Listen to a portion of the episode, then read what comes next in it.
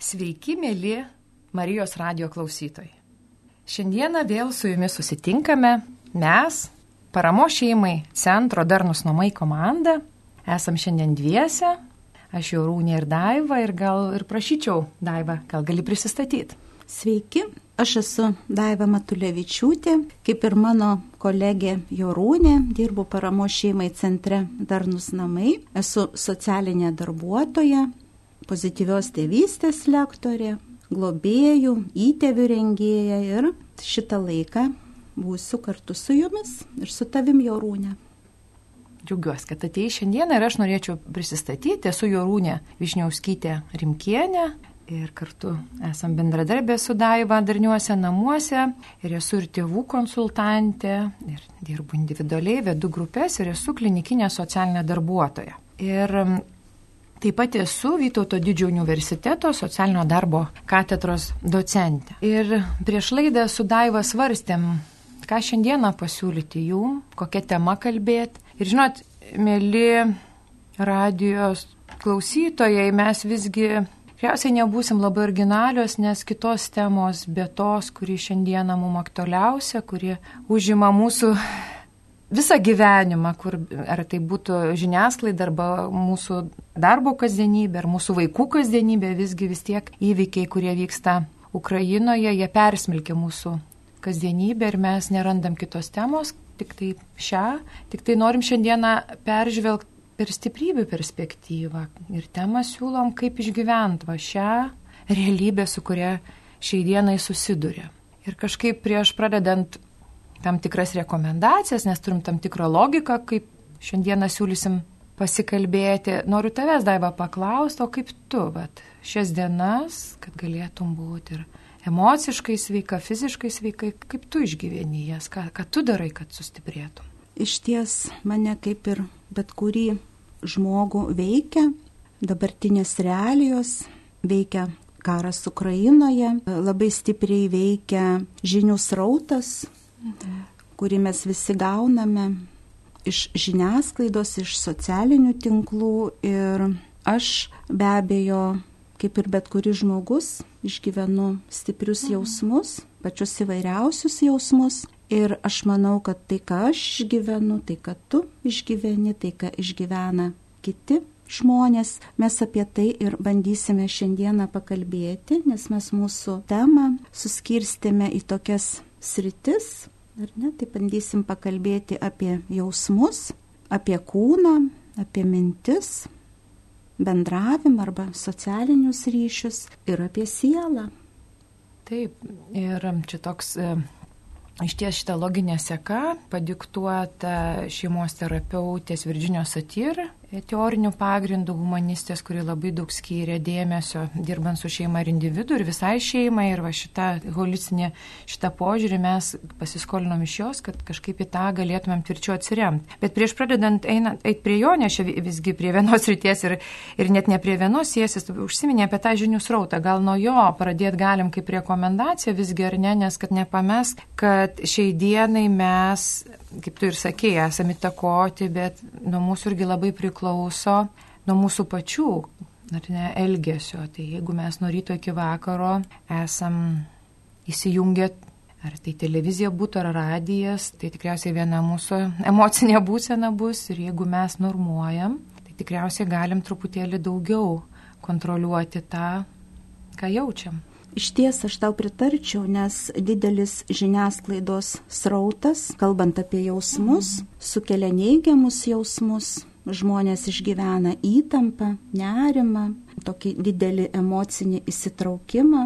Ir kadangi tai yra labai stiprus jausmai, tai išbūti su tokiais stipriais jausmais išbūti visą dieną yra sudėtinga, todėl tokia labai paprasta rekomendacija, kurią aš taikau pati savo, ir žinau, kad tu irgi taikai, tai tiesiog riboti informacijos rautą, riboti ir savo, riboti savo vaikams informacijos srautą, pasistengti, kad vaikai ypač mažesni vaikai, kad jie nematytų galbūt tiesioginių transliacijų, kad jie nematytų žiaurių vaizdų, nes tai be abejo gali labai stipriai išgastinti, gali sukelti didelį nerimą, nesaugumo jausmą ir mums, ir mūsų vaikams. Tai toks labai vienas iš paprastesnių būdų, tai tiesiog bandyti riboti Taip. srautą taip. informacijos. Ir mes va taip yra įžengiami į vieną iš tų pirmų sričių, ar ne, į, į emocinę sritį, tą atskirą sistemą mūsų. Ir per šitas pirmasias savaitės teko konsultuoti ne vieną suaugusi, šiuo metu dirbu su suaugusiais, teko vesti ne vieną ir ne dvi paramos grupės, tai kadai va tu minėjai asmeniškai, ką tu patiri, tai iš tiesų patiria dauguma žmonių, tai skalė jausmų tikrai labai plati ir, ir stiprumas labai platus, bet šalia to, kad mes visi tikrai su tuo nesaugumu, su baime susidurėm, didžiuliu nerimu ar ne, kas dar man įstrigo paklausant žmonių, tai yra tai, kad žmonės, aišku, sumaišti įvairių jausmų jaučia, bet labai stipriai suskambėjo ne vieno žmogaus lūpose pasakyta frazė, kad aš bijau džiaugtis, sako, aš nesdristu džiaugtis ir džiaugtis paprastais dalykais.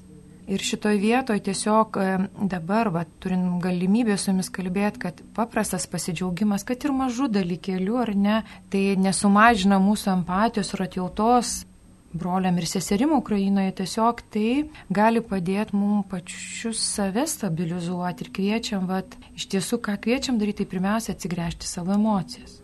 Tikrai taip ir aš tau pritarčiau, nes labai svarbu neleisti sunkiems jausmams, sunkioms emocijoms ir panikai užvaldyti kitų gyvenimo sričių. Nors atrodo, na, už 600 km nuo mūsų vyksta mhm. karo veiksmai, tačiau rasti kuo džiaugtis tikrai galime, ar ne? Tiesiog galime džiaugtis gerų orų, galime džiaugtis, kad mūsų šeimose viskas gerai, galime džiaugtis, kad esame sveiki. Kad esame gyvi. Kad esame gyvi. Ir tikrai džiaugtis yra kuo. Ir, ir, ir būtina džiaugtis, ar ne? Taip, taiva. taip. Ir dar man toks labai svarbus dalykas atėjo į galvą, kalbant apie jausmus ir apie gebėjimą atsispirti sudėtingiems jausmams, tai dėkingumo jausmas. Tai iš ties, kada mes galime padėkoti net ir už mažus įprastus dalykus, mhm. tiesiog jausti dėkingumą. Tai iš ties padeda, nes mes galime būti dėkingi už maistą, galime dėkingi būti už namus, už gražią gamtą. Už tą pačią laisvę. Už tą ne? pačią laisvę, už sveikatą. Ir tas dėkingumo jausmas, jeigu mes jam leisime apsigyventi mūsų širdyje, aš manau, kad taip pat na, prisidės prie to, kad mes galėsime nurimti ir reaguoti truputėlį kitaip, ar ne, šiek tiek atsiriboti nuo tos informacijos. Ir ramiau, aš iš tiesų dėkinga, kad tu paminėjai dėkingumą, nes būčiau ir pati apie tai kalbėjus, bet ką dar sakai, o kadangi mes visgi šeimos žydinio esame laidoje, tai kai kalbame apie suaugusius, tai šiandien kažkaip norisi pakalbėjus apie suaugusius atsigręžti ir į vaikus, ar ne, taip gražiai sakai, ar ne, kad jausi dėkingumą savo širdyje. Tačiau mes esam šalia vaikų, kas esam tėveliai, ar ne, ar šalia paauglių. Tai jeigu to dar neturim. Aš žinau, kad nemažai šeimų turi tokius ritualus, tai kvieštumėm tiesiog e, įsidėkti kaip ritualą. Iš, iš tiesų ritualai iš principo įvairūs ritualai yra labai vertingi šeimos gyvenime, bet tikingumo ypač šiame laike gali pastiprinti ir jūsų šeimos tokį vat santykio kokybę. Ir tuo pačiu, ką tu sakėjai, ar ne, kad tas dėkingumas ir, ir ramina savotiškai. Nepaminėsiu tiksliai, bet yra ne vienas ir ne du pasaulyje atlikti tyrimai, kurie įrodo, kaip gerai veikia dėkingumo propagavimas, toks nuseklus, kasdienis, kaip gerai veikia ir savijauta žmonių ir, ir sveikata tuo pačiu. Tai vad kvieštumėm pergalvot, kas dar neturi tokios dėkingumo praktikos, nes žinau, kad kai kurie žmonės ir dienorašius dėkingumo rašo, teko girdėti savo studentų, jaunų žmonių, sako, rašau kasdieną dėkingumo dienoraštį ir sako, patikėkit, jaučiu poveikį. Tai kvieštumėm pagalvoto, kaip mes gal vakare, dienai baigiantis, ar tuo metu kaip maldelė sakom šeimoje, ar, ar kažkokį kitą turim ritualą, kada susitinkam visi, pergalvot, vat, gal dabar laikas ir vieta padėkoti, už ką šiandieną kiekvienas šeimos narys gali padėkoti. Padėkoti Dievui, padėkoti vienas kitam, padėkoti gal vat, kažkokiam žmogui, kuris tą dieną kažkokį gerai darbelį padarė, ar ne? Tai iš ties kalbant apie emocijas dar ir prieš einant į kitą sritį, tai ir norim kviesti ne ignoruoti, nenusigręž nuo to, kas vyksta mano viduje, nes emocijos yra labai svarbi mūsų vidinio gyvenimo dalis.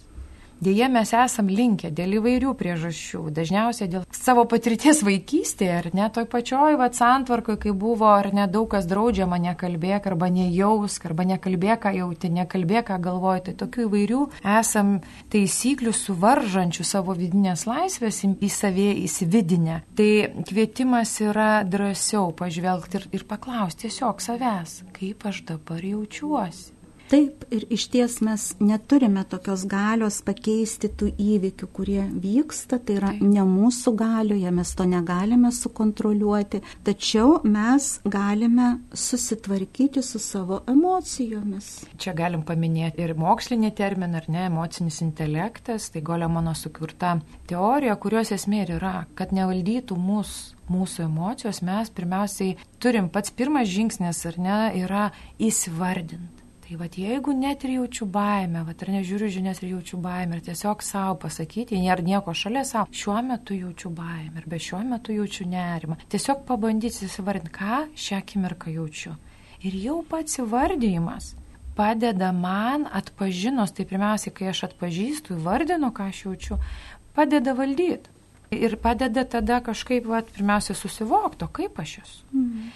Aišku, idealu yra, jeigu turiu su kuo dalintis. Jeigu aš tą emociją galiu šalia esančių, ar tai mano namiškis, ar mano bendradarbis, ar kažkas kitas, kuris yra šalia, su kuriuo aš dalinsiuos tą emociją. Mm. Ir lygiai taip pat svarbu skatinti vaikus dalintis Tikrai savo tai. jausmais, įvardinti, kaip jie jaučiasi. Reikėtų paklausti vaiko, kas įgazdina, kas neramina ir užtikrinti, kad yra na, normalu ir baimę jausti, ir nerimą jausti, ir pyktį jausti, ir be abejo pasikalbėti apie tai, kas gali padėti nusiraminti kas gali ir pagalvoti apie save, kas gali padėti man nusiraminti ir pagalvoti, kas gali padėti vaikui nurimti. Tai gali būti patys įvairiausi dalykai, kaip ir pokalbis ar ne, Taip. su artimu žmogumi, ar pasivaikščiojimas, arba galbūt gilus kvėpavimas, arba kokia nors maloni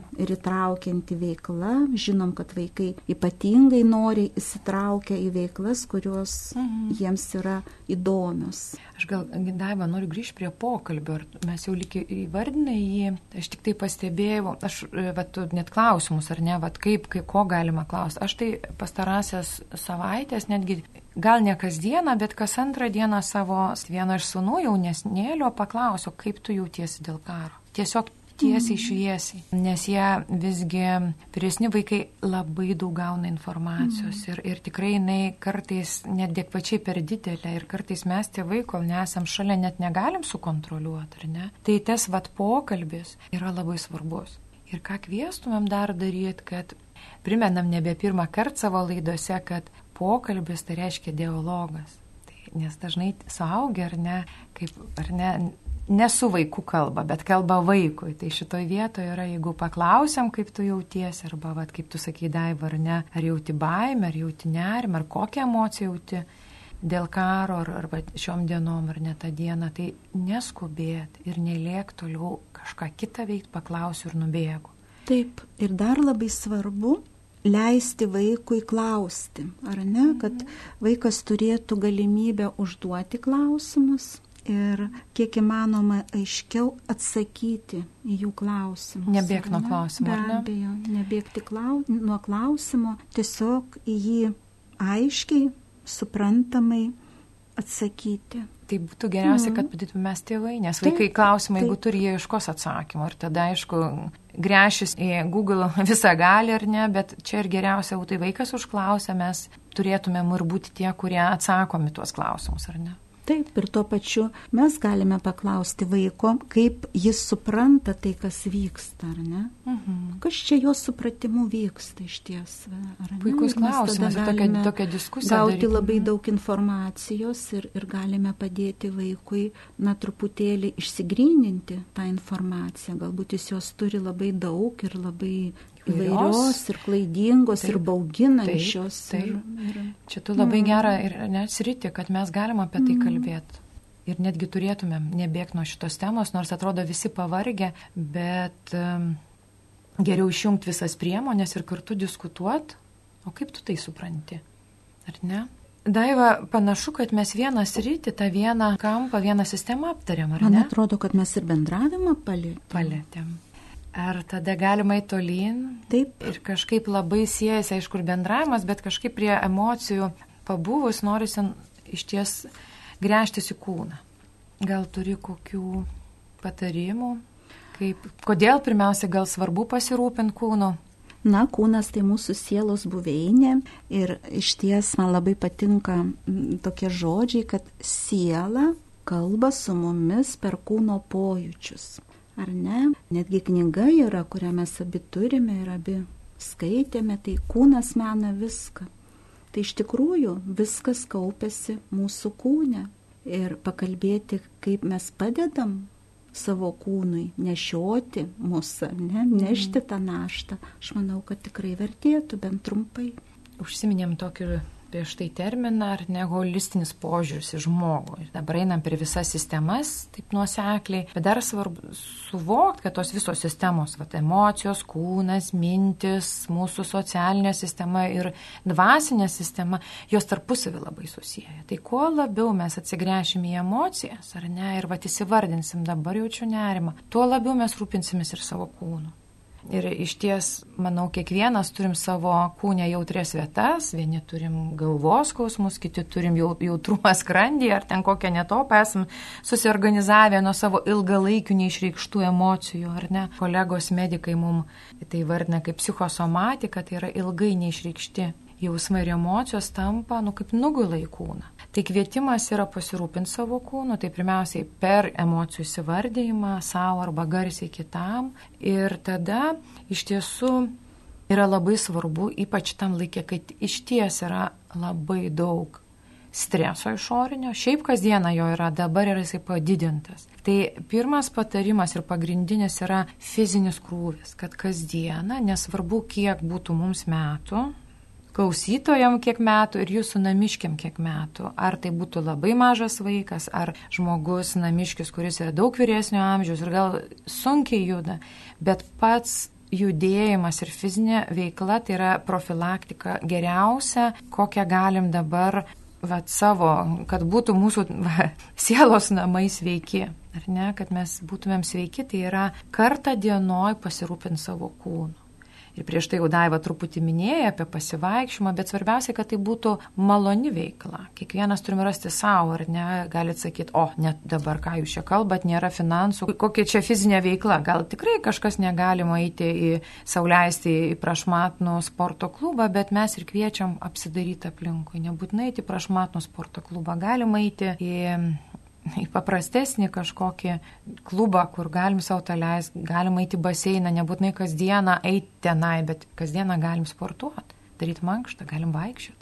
Taip, o jeigu kalbant apie vaiką, kaip jam padėti, labiau pažinti savo kūną, labiau pažinti, kurioje kūno vietoje gyvena, emocija kokia mhm. nors, kuri nors, tai tiesiog galima klausti vaiko, ar ne, jeigu jisai sako, aš bijau, Tai kur tavo baimė gyvena?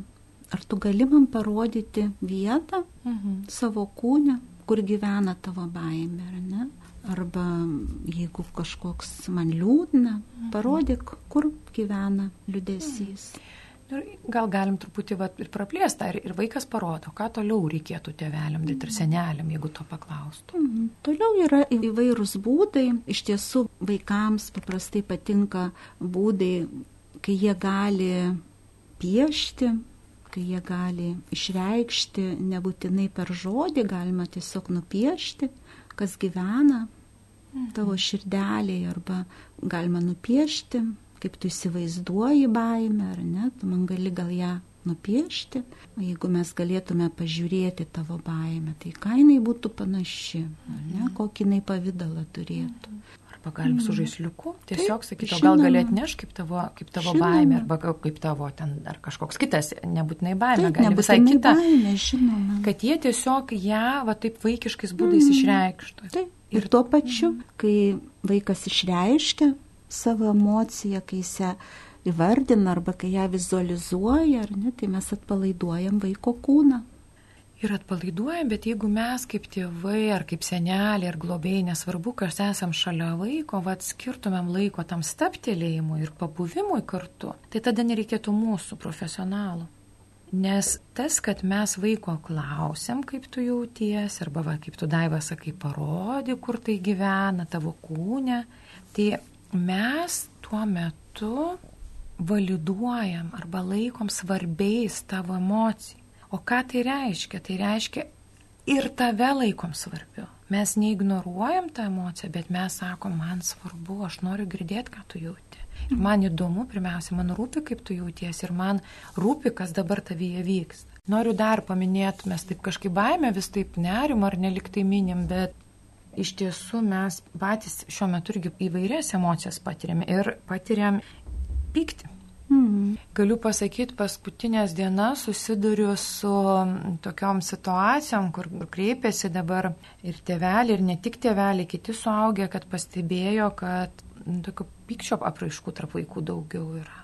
Ir ką šitoj vietoje pirmiausiai supraskim, kad kaip ir mes, didžiulę sumaištį jausmų jaučiam, bet mes, kadangi esam suaugę, mes galim panalizuoti, mm. ras kažkokias, ar ne pirmiausiai priežastis, o paskui išeitis. Vaikai dėja kognityviai nėra dar tiek įsivystę. Ir dėl to mes šalia tie, kurie esam suaugę, turėtumėm jam padėti. Tai aš dar staptelt norėčiau su jumis ties pykčio tematika. Ir jeigu jūs šiuo metu matot vaikas jaučia pyktį ir kažkaip nori vat, kalbėti arba išreikšti, tai turėtumėm paieškoti būdų, kaip namie legaliai vaikas gali tą padaryti. Ir daug tada svarbiau, kad vaikas nemuštų sesę ir brolį, ar ne, ir taip va, netinkamais būdais išreikštų pyktį. Bet klaust, va, sakyk, matau, kad tu pyksti, pasakyk, kas vyksta, bet nekaltinant, bet tiesiog neklauskit, kodėl pyksti, bet matau, kad tu pyksti, gal gali papasakot, kas vyksta. Nes tiesiog, nežinau, su tuo susiję, bet pastaruoju metu, vat, pastarąją savaitę tokio pykčio proveržių ir, patyčių mokykloje teko susidurti ir aš manau, kad tai gali būti susidūrę su tuo, kad vaikai nebesusitvarko su labai nemaža tokia įtampa ir spektru įvairių emocijų ir tada jie va taip kažkaip netinkamais būdais pradeda jos reikšti. Tai tiesiog pasižiūrėkit namuose, ar jūs leidžiate jausti visas emocijas Ir pasižiūrėkit, kad tos emocijos tinkamai, tai nereiškia, kad muštis galima, bet gali būti, va, taip, geriausia profilaktiška kamolį. Kodėl ne? Tai vėl ta pati fizinė veikla, kad vaikai turėtų taip. kartą dienoje nors kažkiek fizinio krūvio ir lygiai taip pat kreušia ar ne bokso. Taip, daugybė būdų yra legalizuoti, pykti ir jį išveikti. Kokią dar, gal, gal gali dar, va, mes kaip sakom, fotelį kokį seną garažiai turit, kurį galima paspardyti ir kodėlgi ne. Iš tiesų reikėtų, nes piktis yra, jeigu jo neišreiškiam, jisai yra ir stipri labai energija. Reikia fiziškai taip. išreikšti, kaip tu sakai, ar, ar paspardyti, ar tą patį kamolį, ar kažkaip kitaip. Tai leiskit labiau netildykit vaikų, bet leiskit jiem, sudarykit sąlygas, kurie galėtų ar palakstyti, ar pašokinėti, ar paspardyti kamolį, ar kažkaip kitaip fiziškai išreikšti emocijas. Jiem dabar jas reikia išsiventiliuoti. Taip. Ir dar svarbus dalykas, kalbant apie kūną, tai išlaikyti vaikui įprastą dienotvarkę ir rutiną. Tai yra labai svarbu, nes dienotvarkė ir rutina vaikui asocijuojasi su saugumu ir kuo daugiau aiškių ir nuspėjamų dalykų vyksta vaiko gyvenime, tuo jis jaučiasi saugesnis. Tai tokia žinoma tiesa, tik svarbu jos nepamiršti. Taip, kuo daugiau nestabilumo, kurio dabar vat ir patiriam, labai daug chaoso, ar ne, nežinios ir mums suaugusiam, visiems, tai tuo labiau turim vaikų užtikrintą, kad jaustųsi namie bent, ar ne, saugiai ir stabiliai, tai yra pasikartojančius vat ritualus ir kasdienybės veiksmus jaustų. Taip, taip.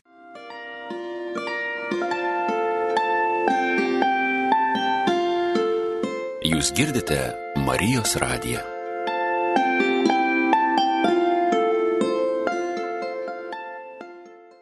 Tai ką, aptariam ir kūną, ar ne, kažkiek, kad organizuojame savo fizinį krūvį ir tada ką, grėžkime gal trečią sritį, tai yra mintis. Mintis, ką darom su savo mintimis. Na, iš tikrųjų, mintis e, kasdien mus lanko, daugybė minčių, vienos tarsi prabėga, mes jų net nepastebim, Įsivaizduokim, kad einam gatve ir pro mus praeina daug praeivių, ar ne, kurių mes taip ir na, hmm. nesigilinam, kas jie tokie. Taip dalis minčių atbėga ir išbėga, o kitos pasilieka ilgesniam laikui. Ir būtent aš manau, kad mintis, kurios užsilieka, kurios mus kankina, jos ir sukuria neigiamą emociją, ar ne? Pasakysim, jeigu aš labai ilgai galvosiu kaip baisu, kaip baisu, ar ne, vat, vyksta karas ir neaišku, kaip baigsis ir aš nuolat su tą mintim gyvensiu, tai ta mintis, jinai sugeneruos emociją, kuri bus, na, tokia labai sunki gali būti, tai gali būti baimė, tai gali būti didelis nerimas arba gali būti stiprus bejėgystės jausmas. Net iki panikos galim ar ne, tą mintį tiek iš, taip, išvystyti. Todėl reikia stebėti savo mintis. Stebėti ir jas ne tik tai, kokios jos aplanko, bet pastebėkime, apie ką aš galvoju. -hmm. ne? Ir yra, vat, jeigu geriausias toks van, inventorizacijos būdas, tai yra tiesiog sapt ir pagaukim, apie ką aš dabar galvoju. Ir pastebėkit, ar tai yra mintis apie praeitį, Ar aš ištisai gromuliuoju ir gromuliuoju tą pačią mintį. O jeigu būtų, tai būtų. O jeigu, va, sakykime, nesvarbu čia ar apie, ką mes dabar kalbam, apie karą ar ne apie karą, ar ne. O jeigu Putinas būtų, va, kad, o jeigu aš dar kažkur tai vaikystėje mane tėvai labiau būtų mylėję, o jeigu aš kitą darbą būčiau radęs, ar ne. Tai yra mintis apie praeitį. Ir dar gali būti mintis apie ateitį, ar ne, kas bus, jeigu bus. Tai šitoj vietoje painventorizuokit, pasižiūrėkit, į ką jūs labiau esat linkę. Ar labiau grėžiotis atgal ir, ir, ir apgailėstaut, kas įvyko, ar labiau žvelgti į ateitį ir nerimaut. Ar esam to tokio į nerimą linkę ir, ir galvojama, kas būtų, jeigu būtų. Tai iš ties yra sukurta nemažai nuostabių ir metodų ir teorijų, kurios va, šiam moderniam mūsų pasaulį mokina dabartinį žmogų, kaip išlikti sveikam tam intensyvume ir kviečia nesigrėžiuoti arba kuo mažiau grėžiotis į praeitį, nebent mokytis iš tų klaidų, kad galėtume eiti kokybiškai į priekį ir kuo mažiau fokusuotis į ateitį, ta prasme, kad gyvent ne ateityje, bet perkelt savo mintis ir savo buvimą į dabartį. Kuo labiau mes fiksuosim, kur aš dabar esu. Tai aš dabar sėdžiu radio laidoje, matau tave daivą, ar ne? Arba kasdienybės tuos ritualus daugiau save leisim pastebėti, ar nes paprasčiausias dalykas, vad, ėjimas iš darbo, iš taško A į tašką B, ar ne, arba vairavimas gal ar ne, iš taško A į tašką B. Ir nesvarbu, ką bedarytume, va, tas paprastas pokalbis, kurį prieš tai va, mes minėjom, ar ne, tuo metu kvietimas būtų kiek įmanoma pilniau toje akimirkoje gyventi tą, ką galvoju, tuo ir dalintis, tą, ką jaučiu, tą vat supras, kas mane vyksta, tuo pačiu ir su savo kūnu būti ryšyje. Tai yra iš tiesų labai sunku, prisipažinsiu, propaguoju šitą būdą, tačiau yra tai tikrai sunku ir visą laiką gal ir net neįmanoma, bet jeigu mes samoningai pabandysim stabdyti savo mintis iš praeities, nes vat, labai geras yra posakis, ar ne toks, vat, kas praeitis tai jau yra istorija, o kas ateitis tai yra misterija, tai mums niekam nežinia, tikrai yra tik dabartis. Ir tikras akimirka, kada gyvenimas yra, tai yra dabartis. Tai vad kvietimas būtų kiek įmanoma šiame laike pastabdyti save ir nenubėgti vėl, nenušoliuoti kažkokius nebūtus laukus ir dirvonus, bet ateiti šią akimirką ir, ir paklausęs, kaip aš dabar esu, ką aš dabar galvoju, ką aš dabar jaučiu, ką aš dabar valgau, koks tas, va, pavyzdžiui, su maistu labai irgi geras, kad jeigu šiuo metu valgau, tai valgau. Jeigu dabar kažką kitą darau, tai tik tą darau.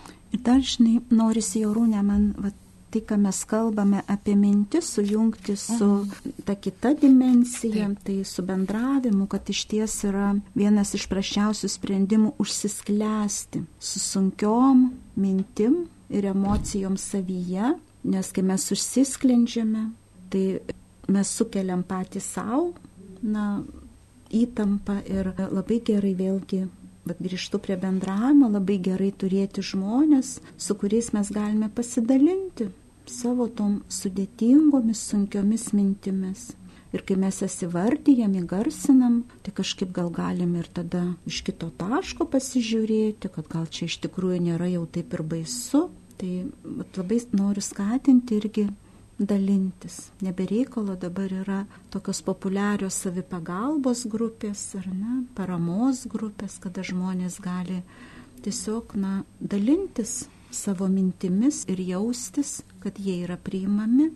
Mini paramos grupės tikrai primenam, kad šiuo metu tikrai galima žymiai daugiau gauti profesionalų pagalbos, kaip jaučiam, kad mums jos reikia, ar ne, va tos, kaip sakai, paramos grupės. Tačiau dabar norisi skatinti ir atsigręžti į savo artimuosius. E, nežinau, Dava, kaip tu pirmas dienas, bet aš turėjau galimybę kažkaip staptelti savo artimoje aplinkoje su savo giminaičiais ir laiks nuo laiko išgerti arbatos. Gal ten didelių filosofinių išvedžiojimų neaptarinėjant, aišku, nepabėgant ir nuo tos temos, kuri vis tiek aktualiausia šiomis dienomis, dalinantis tuo nerimu. E, pastebėjau pati, nors gerai labai teoriškai, žinau, ir praktiškai išbandžius, bet supratau, kaip ta bendrystė tiesiog būnant kartu tą laiką, kaip jinai sustiprina. Ir ypač krizės laikotarpiu bet kokios krizės, nes mūsų krizės visokios ar negali iškilti asmeninės krizės, va šiuo metu esam paliesti visi, nebe asmeninės, šeiminės krizės, esam net kaip šalis, o kaip visas pasaulis patiria krizę didžiulę, tai krizės akivaizdoje žmogus jaučiasi ypatingai vienišas, ypatingai izoliuotas ir tada baime dar didėja. Tai kažkaip tai norisi, kad kartais mes principai ar dar kažkokie mus stabdo, oi kaip čia dabar aš su tuo kaimynu, ar čia su savo gal ten kokia pusė, ar, ar su kokia ten teta, kur ten senai, kaip aš ją paskambinsiu ir paklausiu, kaip tu gyveni. O mes visgi drąsintume, mes pamirštame, mes taip dabar pastaruoju metu įsibėgėjai savo individualias veiklas, į savo darbus, į savo rūpešius, kad pamiršom, kiek mes turim turto. Tai kiek mes turim artimų žmonių, kuriuos esam apleidę. Ir dabar va šitas laikas labai tinkamas ir atsigręžti vienas į kitą. Sutinku, nes bendraudami, dalindamiesi mes praturtiname vieni kitus. Ir tai galimybė dalintis savo mintimis, jausmais, tai aš manau, kad yra na, turtas. Tai dovana turtas taip didžiulė, nes kaip tu ir sakai, mm. galim pamatyti iš kito taško, mm. galim būti išgirsti ir galim pamatyti, kad visiškai visi panašiai jaučiamės. Ir tada mm. tas normalizavimo jausmas, kad taip jaustis yra šiuo metu yra visiškai normalu, nes aš galiu vien dėl to jaustis vienišas.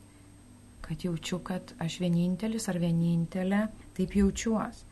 Tačiau kas dar šalia to turto svarbu ir čia mums, nori, mes abi prisistatėm ar ne, kad esam socialinio darbo lauko atstovės, tai yra priklausimas yra vienas iš svarbiausių poreikių. Taip. taip. Ir šitam laikė dėl to, vat, norisi jūs dar pastiprinti. Apsidairykit, kur galėtumėte atsiremti grupę. Mes esam Kaune, Vilniuje, didesnėse miestuose yra daugiau galimybių profesionalo pagalbai, tačiau yra maži miesteliai, yra tie patys vienkiamiai, kur atrodo, kur ta mano grupė. Tai primenam, kad yra šeima, yra kaiminystė, yra giminė ir kad mes tikrai šitam laikė turėtumėm jungtis draugien. Na ką, nemažai aptariam. Taip. Dar turim vieną labai labai svarbų mūsų žmogaus sistemą, ne, tai dvasinė. Ir gal norisi pradėti jau minėtos šeimos terapeutės, šeimos terapijos pradininkės, humanistės, pasakytais žodžiais, kad mes visi esam dvasinės būtybės žmogiškame pavydale. Ir um, šitam laikė ypač svarbu keltakis į viršų ir suvok, kad mes esam dvasinės būtybės, kad mumise yra siela ir kad šitam laikė labai svarbu ją rūpintis.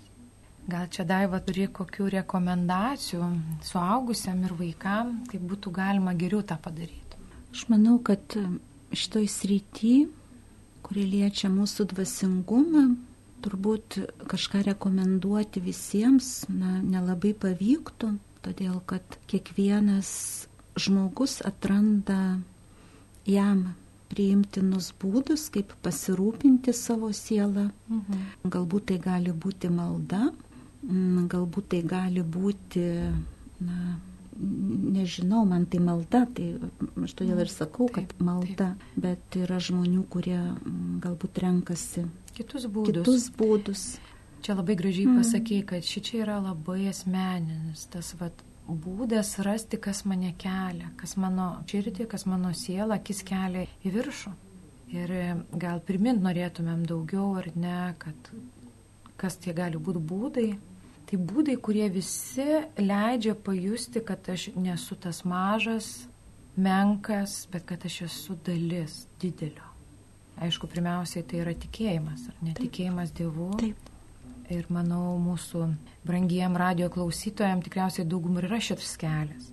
Tačiau gali būti tas buvimas gamtoje, buvimas paprastas pasivaikščiojimas ar tiesiog va, sėdėjimas, žiūrėjimas į tekantį vandenį gali suteikti tą akimirką pajautimo, kad aš esu dalis to didelio Taip, paveikslo. Kūrinijos dalis. Taip. Tai mes kviečiam iš tiesų tuo labiau dabar laikas mums palankus gręžtis į gamtą ir palankus, kad tos vilties pirmi pumpurai teikia ar ne, kurių dar nedaug, bet, bet jau yra kažkokie proveržiai pavasario, tai tikrai stiprina ir va tie ženklai duoda viltį. Tiesiog kviečiam daugiau laiko, kiek įmanoma, praleis gamtoj, pasivaikščiojimo miške. Arba vakare tiesiog maldoje prisiminti žmonės, kurie kovoja, arba žmonės, kurie yra, na, sužeisti, kurie yra už, už kuriuos galbūt mes galėtume pasimelsti. Taip, vienareikšmiškai, manau, dauguma tą ir darom, lygiai kaip ir už žuvusiusius, ar ne, pasimelsti. Tai tas irgi leidžia pajusti, kad aš esu ne vienišas, kad aš galiu duoti, ar ne, kad aš vat, turiu tą galę ir šitam laikė, kadangi bejėgystė tokia stipri, ar ne, nes, va, kaip tu prieš tai minėjai, kad mes negalime pakeisti tos situacijos, bet ką mes galim daryti, mes galim savo šviesiomis mintimis, savo šviesiomis maldomis, ar ne, ar, ar kažkokiais kitais darbais šviesiais, ar ne, stiprint, stiprint savo ir kitų Taip, tikėjimą. Ir aš uh, suprantu, kad pasaulyje yra labai daug ir gerų dalykų, ir blogų dalykų. Taip visada buvo ir taip visada bus, bet uh, galbūt aš galiu būti gėrio pusėje ir galbūt galiu padaryti ką nors, kad gerų dalykų daugėtų. Ir tas pasirinkimas būti toje šviesos pusėje, gėrio pusėje man yra labai svarbus po truputį einam jau į pabaigą ir mūsų laida, ar ne? Ir galvoju, gal kažkaip dar, Daiva, pagalvo, ką norėtum apibendindama pasakyti mūsų šitą pokalbį. Aš tik tai dar paminėt, kad šalia, ką va, taip įvardinom apie maldą, apie tokius buvimą gamtoj, bet gali būti lygiai taip pat gera knyga koncerto muzikinio išklausimas arba apsilankimas koncerte ar ne, ar spektaklė kultūrinių renginių lankymas lygiai taip pat padeda mum irgi pasijusti truputį daugiau negu tuo mažuoju aš. Tai tiesiog kviečiam pagalvot, kaip aš galiu pamaitinti savo sielą, kaip aš galiu pats ar pati sustiprėti ir kaip galiu savo tą tikėjimų viltim ir savo šviesą pastiprinti kitus. Tai prieš atsisveikinant, Daiva, noriu įsiklausti, ką norėtum dar pasakyti. Aš norėčiau palinkėti visiems, kurie mūsų klausė, bent šį vakarą prieš einant miegoti, pagalvoti, už ką jūs galite būti dėkingi ir padėkoti. Kas gero įvyko šiandien, už ką galime būti pasakyti ačiū. Tiesiog toks, manau, būtų mhm. palinkėjimas. O tu... Paprastas, bet toks labai realus, ar ne? Ir toks Taip. tikras. Ir jis nesunkiai gyvendinamas. O tu jau rūnė. Aš iš ties kažkaip pabaigiam ties sielos pamaitinimu. Aš manau, norėčiau priminti, kad visos rytis šitos, kurias aptariam, svarbios, tačiau kažkaip vis tiek labiausiai norisi pastiprinti viltimi ir um, kad mes sustotumėm, rastumėm ir netgi nerastumėm, bet samoningai pasirūpintumėm laiku, kada sustojam ir pakeliam savo akis ir širdis į, sakykime, dangų arba į tą viltį, arba į šviesą, arba į tikėjimą, nes dabar to labai labai reikia. Ir ačiū Daiva už pokalbį. Ačiū tau. Ir dėkojom jų, mėly Marijos radio klausytojai, linkim taikos jūsų širdim, taikos pasauliui ir iki susitikimo po mėnesio. Sudė. Sudė.